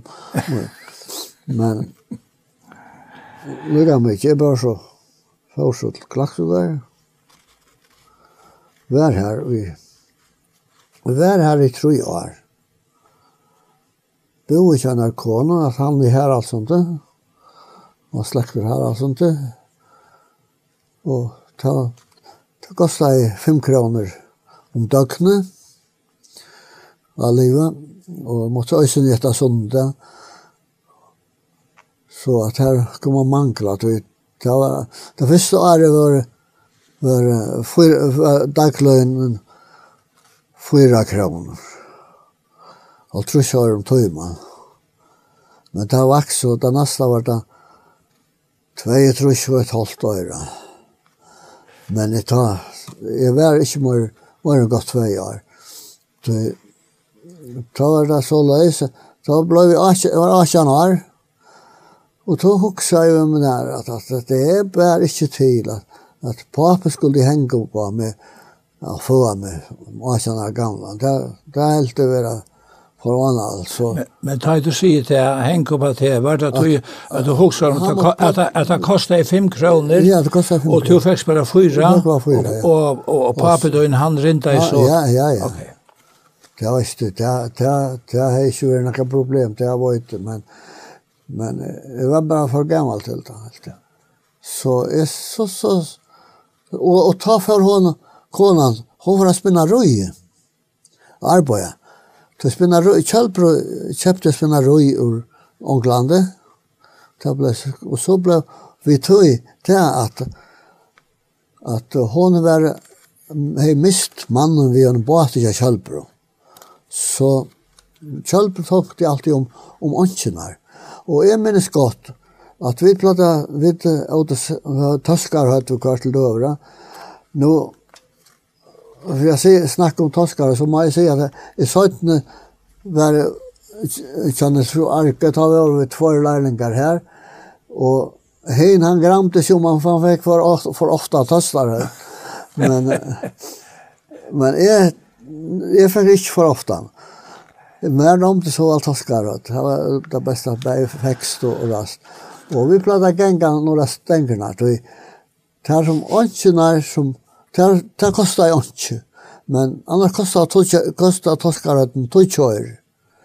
Men vi tog, vi tog torskaröten för inte.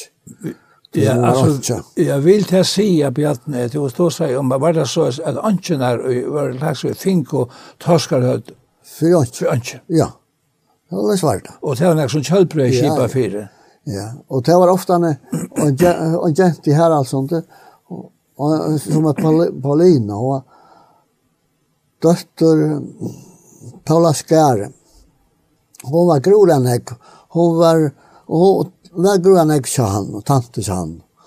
Och vi pratade ofta med färra några sänker med en påse och så fyllde på igen så bor i mitten och och övervikarna. Det var ofta en kvöld.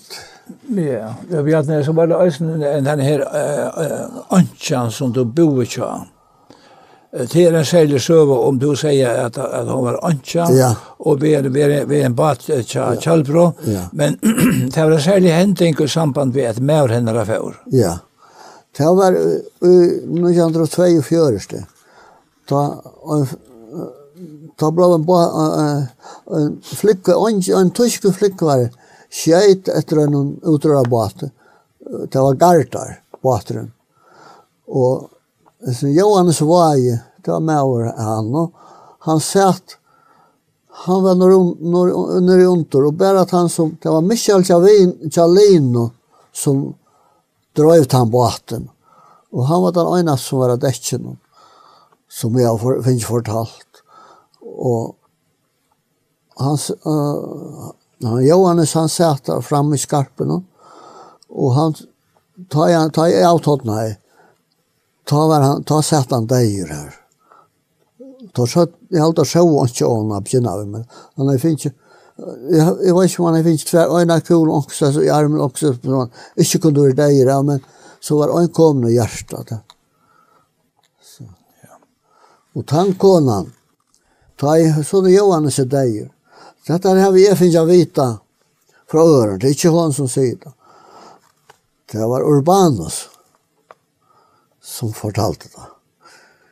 At uh, kommunstøren tar for til han, han spurte han, nå er han ble en åndsja, og bjør av en uh, et visst beløp om året, et eller annet om måneden.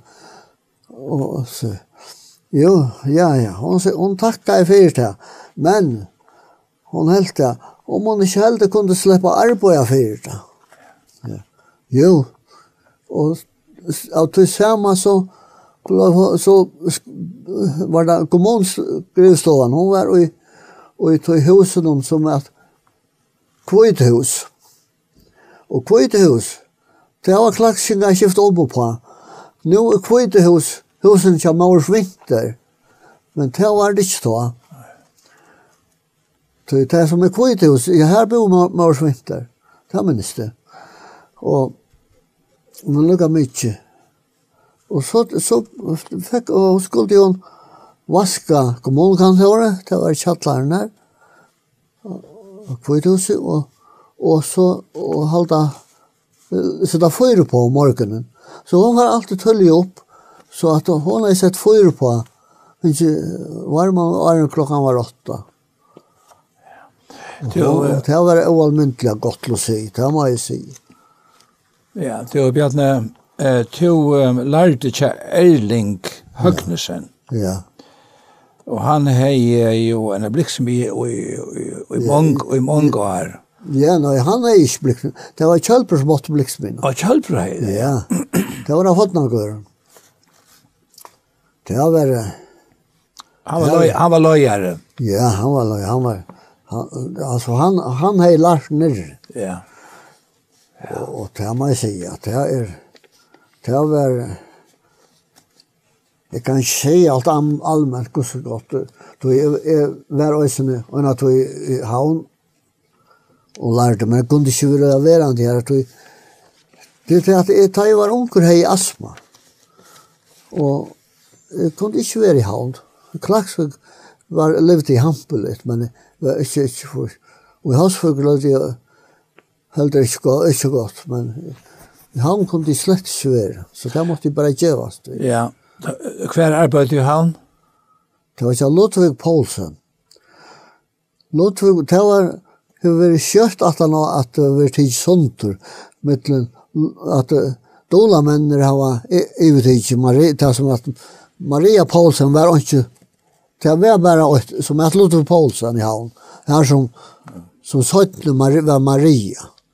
Og det var tog at dolamennene kjøpte. Tog har kjøpt det, men her, det var et fel av nyrre som at Ålsas enke. Nei, et eller annet, nei, et eller annet Møllers enke, Møllers enke alt. Ja. Nere i København, som åtte Luther Poulsen. Altså, det var på samme måte at her er steg et eller annet til, og tøyre har så ivetid til Luther Poulsen, og Og så har Madola menn har på en eller annen måte kjøpt kjøpt tabors ur som tar så kallet Maria Paulse. Maria, det var det er noe nekka kanskje ikke nekka gjør her. Men hver mamma min. Hon er hans syna. Og var saltnes. Logi saltnes som var slekt av strand. Hon tante ikke Ludvig Paulsen. Så hon var Hon sier til at onkel tog, da hei hun sett fyr på og Ebenezer. Det er ikke tog at, det var, det var ikke, ikke, ikke henne, men det, drangene ikke lotta tar, hadde til jobb, tar skulde sitte fyr på. Tar tom, tomt ikke alltid så tølge opp sunne morgen. Så jeg var sentralar med Ebenezer. Så hon, så får hon opp, så vil finne der henne færa og sitte fyr på. Mm -hmm. Du Bjarne, men uh, du sier att du har astma och ikke være verande i havn, men du har varit ösnig kottla för. Ja, her, her er det lite litt, ja. Det har gått gott. Ja. Vad gör du kottla för? Här arbetar jag Sven i Kristian Holm har sildavbruk då. Det var men sildafabrikken har ikke vært i gang under krøynen. Så her stod alt stilt. Og Og vi tar at pappa gjør en båt til Gunnare, et femmanaffær. Og så da tar jeg han lyser motoren sluttet støy. Så før jeg og smyen av i røren som kunne gjøres, lottast og, og, og såret. Og så, så tar jeg arbeid ved røren og så er Gunnar til at, at jeg var sjåan til. Så spyr han hva, hva, hva jeg gjør fra man undan. Og så sier jeg at jeg har vært at jeg har vært bliksminn i klaks. Og så tar jeg bort av livet, så ber jeg meg om jeg bare være her, så tar jeg arbeid her. Så jeg takker jeg for Så jeg arbeid her, og, og jeg må si at jeg, at jeg fikk fotla lønn, men jeg jeg lærte øyelig enn jeg kvart. Jeg fikk ikke noe jeg å gjøre det. Så jeg Gunnar var agenter for vølund motorer. Og her ble nek arbeid på vølund motorer. Så, så vølund, tar motorene og dutt i utlandet hatt. Ja. Og her, her var det her var nek å kassere motorer og sånt. Som, som lå. Skipen tja Kristian Holm, tar jeg hatt da var dvölen motor. Ja, då var det, då var det bara Hjalmar och, och Ottmanes som man hej. Som Christian Holme ja. Ja. Ja, så är det, ja. Men du, um, så er det her at um, du førstvisende her Åtnafjall og... Ja. Var det ikke det? Ja, nå jag börjar i Synderska, Ja. var Ja. Jag menar så. Och så var Kerbo var, han var var for oj han var av kantoren av her av av Silda Silda Rasmin. I Kotla. Og Jeg kjente han Osvald fra fyrre av, og han er vært full, fullmektig i Klaksvik, men jeg var i Klaksvik. Så jeg kjente, kjente han vel.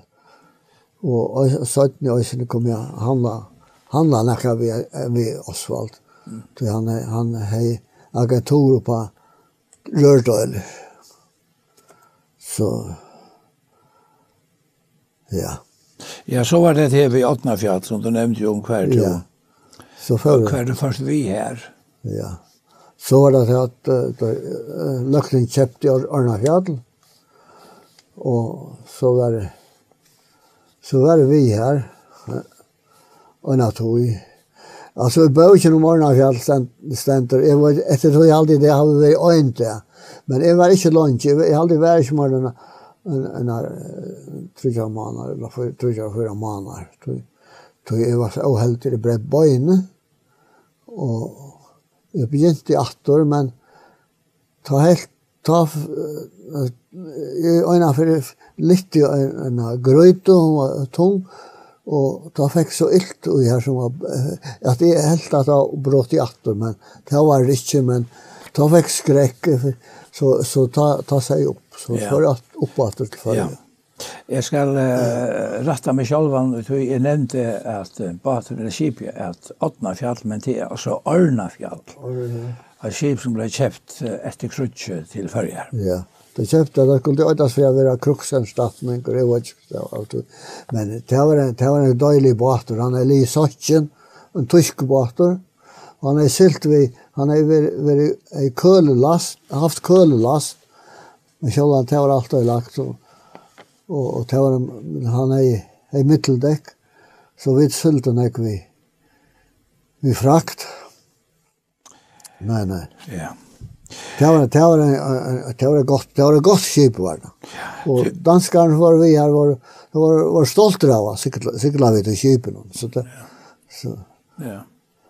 Jo, jeg har ikke hørt om at det, at det var, at det var endre ikke samband med krutsk, ja.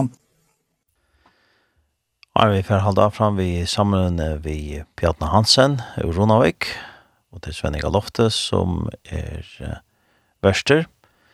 Så får vi høre en sang, Og til Maria Wallace, som synger Gakt og Trykker, framvika og Treste.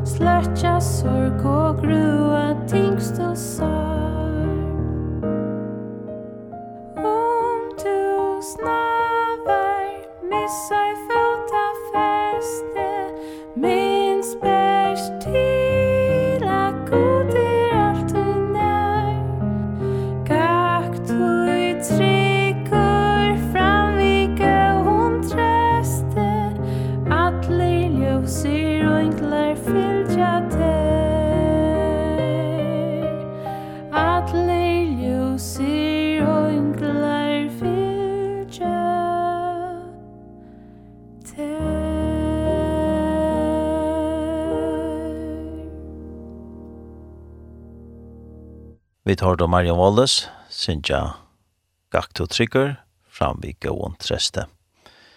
Vi fann då att halda av fram vid samrövne vi Bjartne Hansen ur Ronavik, og det er Svenninga Lofte som er verster, og er den opptøkka som Iktus vi gjørst i Jonemann i 2018. Du har sagt for meg til at uh, du lykkes som ble messedrong, du ble messedrong og lærte deg gjøre mat. Ja. Og så hei du øyne bøk her ombord som vi var... Nå, ja, så vi tar brukte. Det Det var uh, mat, så, så Ingeborgs ord. Ja. Han er altså... Og det var messedrong da begynner vi. Men så får koksmateren av, og så fikk jeg jobb som kokkmater. Så det var avanseret. Og, og, og ta hadde vi... Vi tar ta bort. Och man han sier han säger bara att kvart att kör jag rätt kvart skulle göra ett och så måtte vi sörja för resten selv. Ja. Och det som är var avvärt att nämnde jag här. Ja. Det som är var avvärt att nämnde jag här. Ja.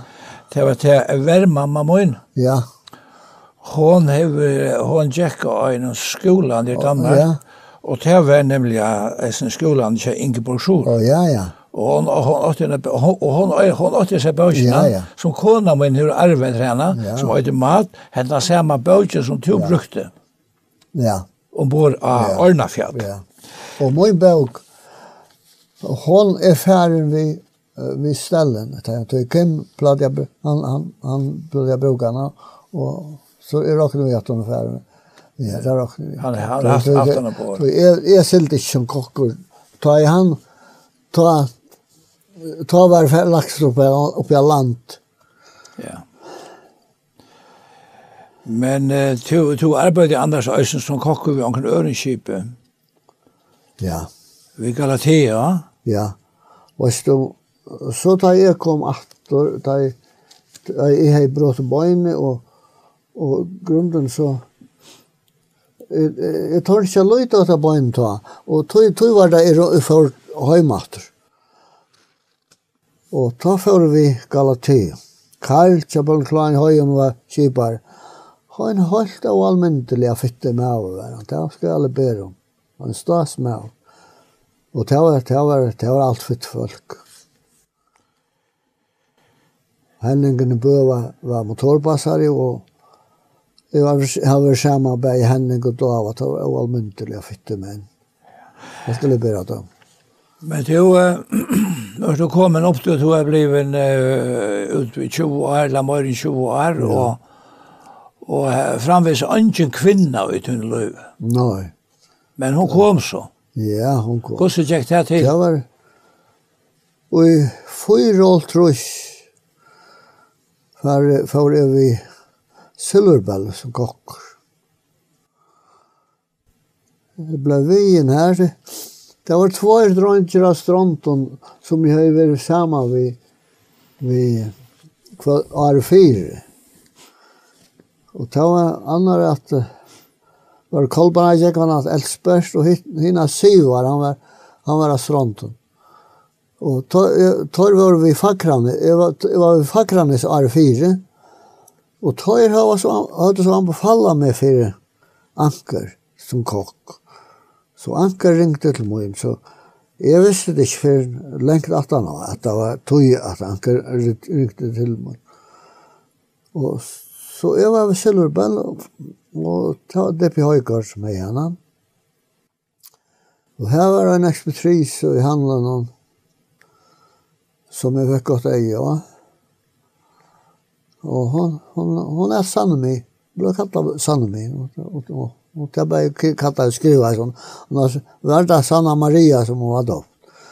Men och, och hon så, var och hon var hon var i handlaren i Ören. Ja, och var av toften lilla Saltnes. Hon var ur Saltnes. Saltnes. Hon var döpt till döpt Johannes skola. Han var han var gammal kypare. Han följde Veckanes och och, och, och flöj och, och, och, och, och, och, och, och, och, och, och, och, och, han speter Brekkon, jeg minnes han speter seg til han, han måtte bæra jo han alt godt. Du, at ta var det som, da fiska av Estlanden, ta var det nekker som, som lov bare avhaler, som menn, men nå sjølvande, men åtte sånne frøyva, men det var ikke var tvungen av alt snurre frøyvakt. Men sommer stod var så gratis, men han, han spet seg til at han, han, han la bare hala av hala over av. Altså han la ikke av hala til, ta la ta la der bak der, ta ta seks timer som, som tar fink. Du tar var ikke, ikke noe lov om frøyvakt. Men eh, Harry Bjarne, du nevnte om at du fikk godt eia av disse øyne jentene, ja. men Men man skal gjøre sinte mer enn å få godt eie enn å kjente, for yeah. å få fætrøyen. Ja. Hva gjør du for å få fætrøyen? Gjør det så var det til at jeg måtte få, det var bare stille her i handelen, det var alltid folk. Nå, men så var det til at vi skulle ha tallersker, og vi visste at tallerskene skulle ta våre av av loftene. Og så sier jeg at vi skulle ha jobbet tallersker, og Jo, jo. Det var på loften, og så får jeg opp igjen. Og ta jeg, sen, og er det alle skane, og så tog jeg tvert rommene, og, og ta, sen, det var, det var fast på den veien. Men, Så ta jo på til leskande, ta blir det som anbøye for å få fætre. Men så var det til. Hon gikk alltid av møte, Det sier man faktisk ikke. Og, men det er først måtte vi igjen etter, tog at det var sånne kveld, så, så hva annet skulle de gjøre? Og det sier man heller ikke, annars... Hva er det du har møtt det? I, i misjonshusen. Det var en halv tøyme jeg genka. Og jeg var ikke satt under årene hver sånne kvall. Og da, da sier man akkurat ikke. Men, men, ja, ja, men jeg skal si, først ta, ta jeg var på golfene, ta var, ta, ta var, ta ble, kom i salene og kveld, lå kvartjen. Og til enda sier det vi, god, at jeg slipper der ikke før jeg har før du, før du sikna, men hva som Jakob sier. Og ta jeg, jeg, fikk, jeg fikk fri til kvöld. Men så leser det at jeg man at det kom i havn, så var det frøstingene her, og, og så er det smakker meg alltid også, og ofte han er jo allest. Og så, så da, jeg, jeg, jeg, jeg, jeg helt til at nå har jeg, forspilt, forspilt, forspilt chansen, så at uh, jeg mist frien. Han var vekk. Og så er råkne vi tog til å ha vært henne 15 år, som jeg gikk vi henne jeg møte hver sånne kvöld. Men det sier man akkurat ikke. Men så et kvöld, og et sånne kvöld, ta minnes godt av Palle Høygaard av Høygaard. Han hei han hei innleit innleitning. Og han han sier og han sier det, jeg halde han enda i sier at, men du måst vilja, det er vilja sak av fylkjæren. Og jeg fikk, da fikk jeg kallt i atter så størst, og jeg var klar i det at Hetta er søgnast utkall. Men det er ikke noe, så, så var det omgang. Så, og jeg røste meg opp, og, og jeg takket for frelsen. Eller, at, Jeg sier at, jeg, ja, jeg sier, jeg vil si. Og så satt jeg meg ned at Og til å det så igjen. Ja.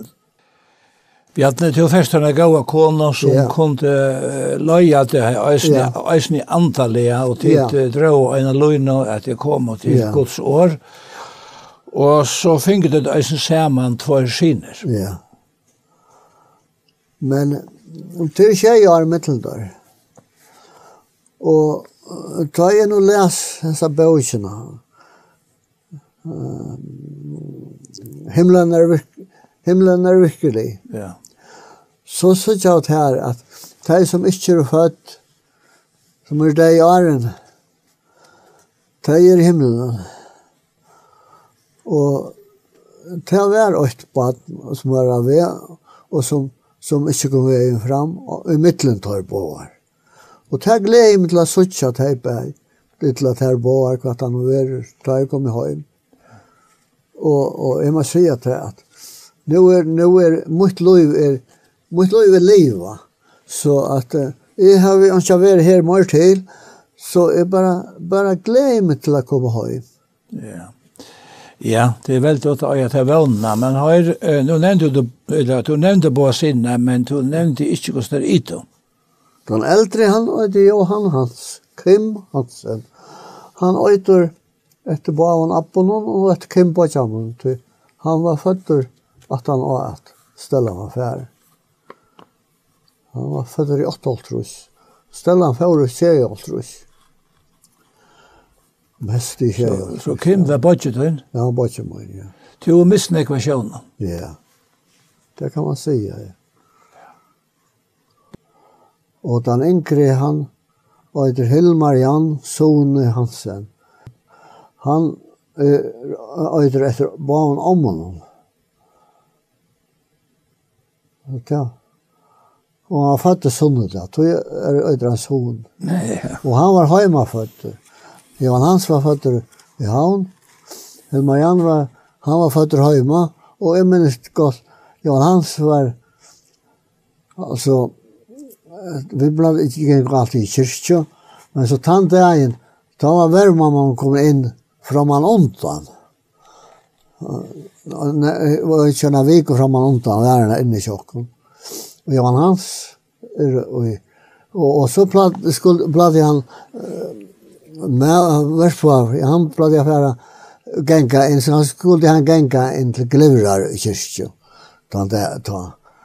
Og, og på kyrkju tøy, og Hans, og jeg sier til til kyrkjen, og, og, og han, han, vel, man, og jeg fæst ikke kyrk, ja, ja, men, jeg er ikke vi halda fri honom, så nu har jeg badna grater, i, i, i, i, i, i, i, i, i, i, i, i, i Og han spenn, spønt i egen opp. Og det er han til gråten. Ja, ja. Så, så, så, så da var det man gjenfødt. så er det sånn, ja. ja. ja. Men her, Bjarne, du miste gjerne gav av kona. Ja.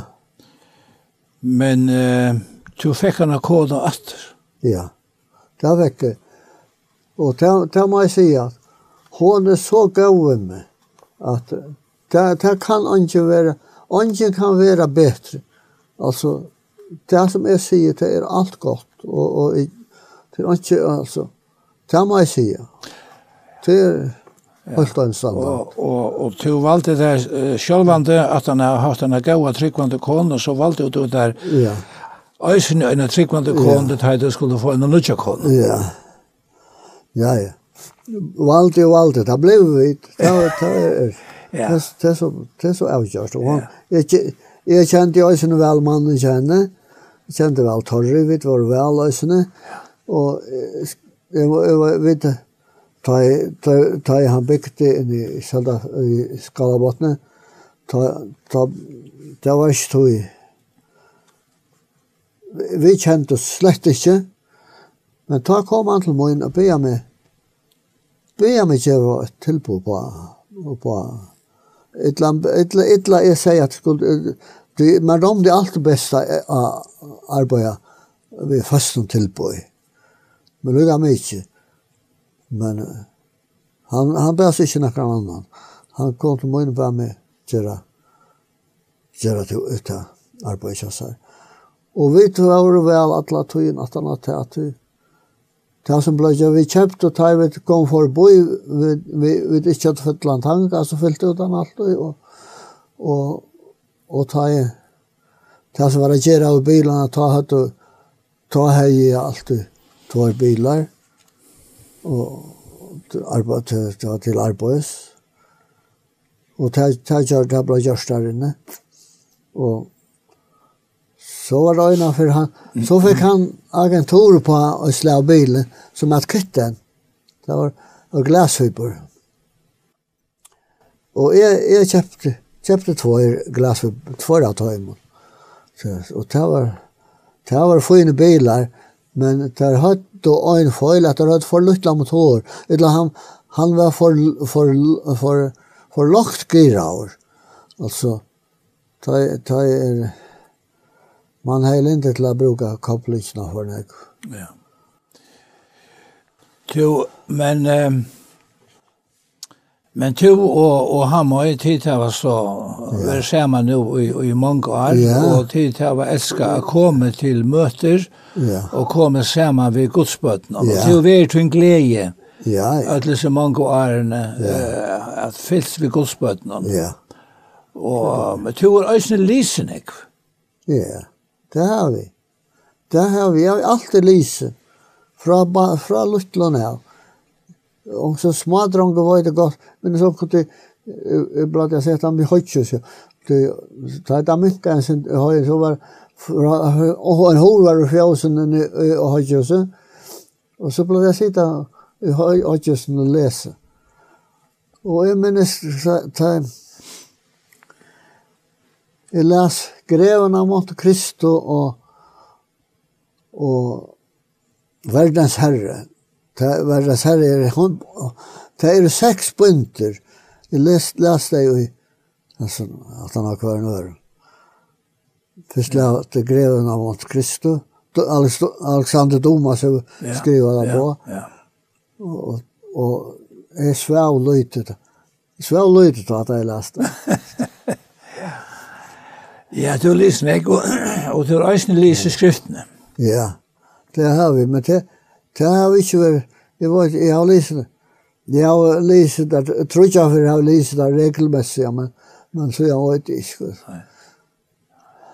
Men du, nu nevnte du Jan et her om at nu heldur du at Løyve er li og du er kommet opp om til nøy til Arne. Og Løyve er vi affæra, sier du sjolvor, men ja. du er pura klarer. Ja.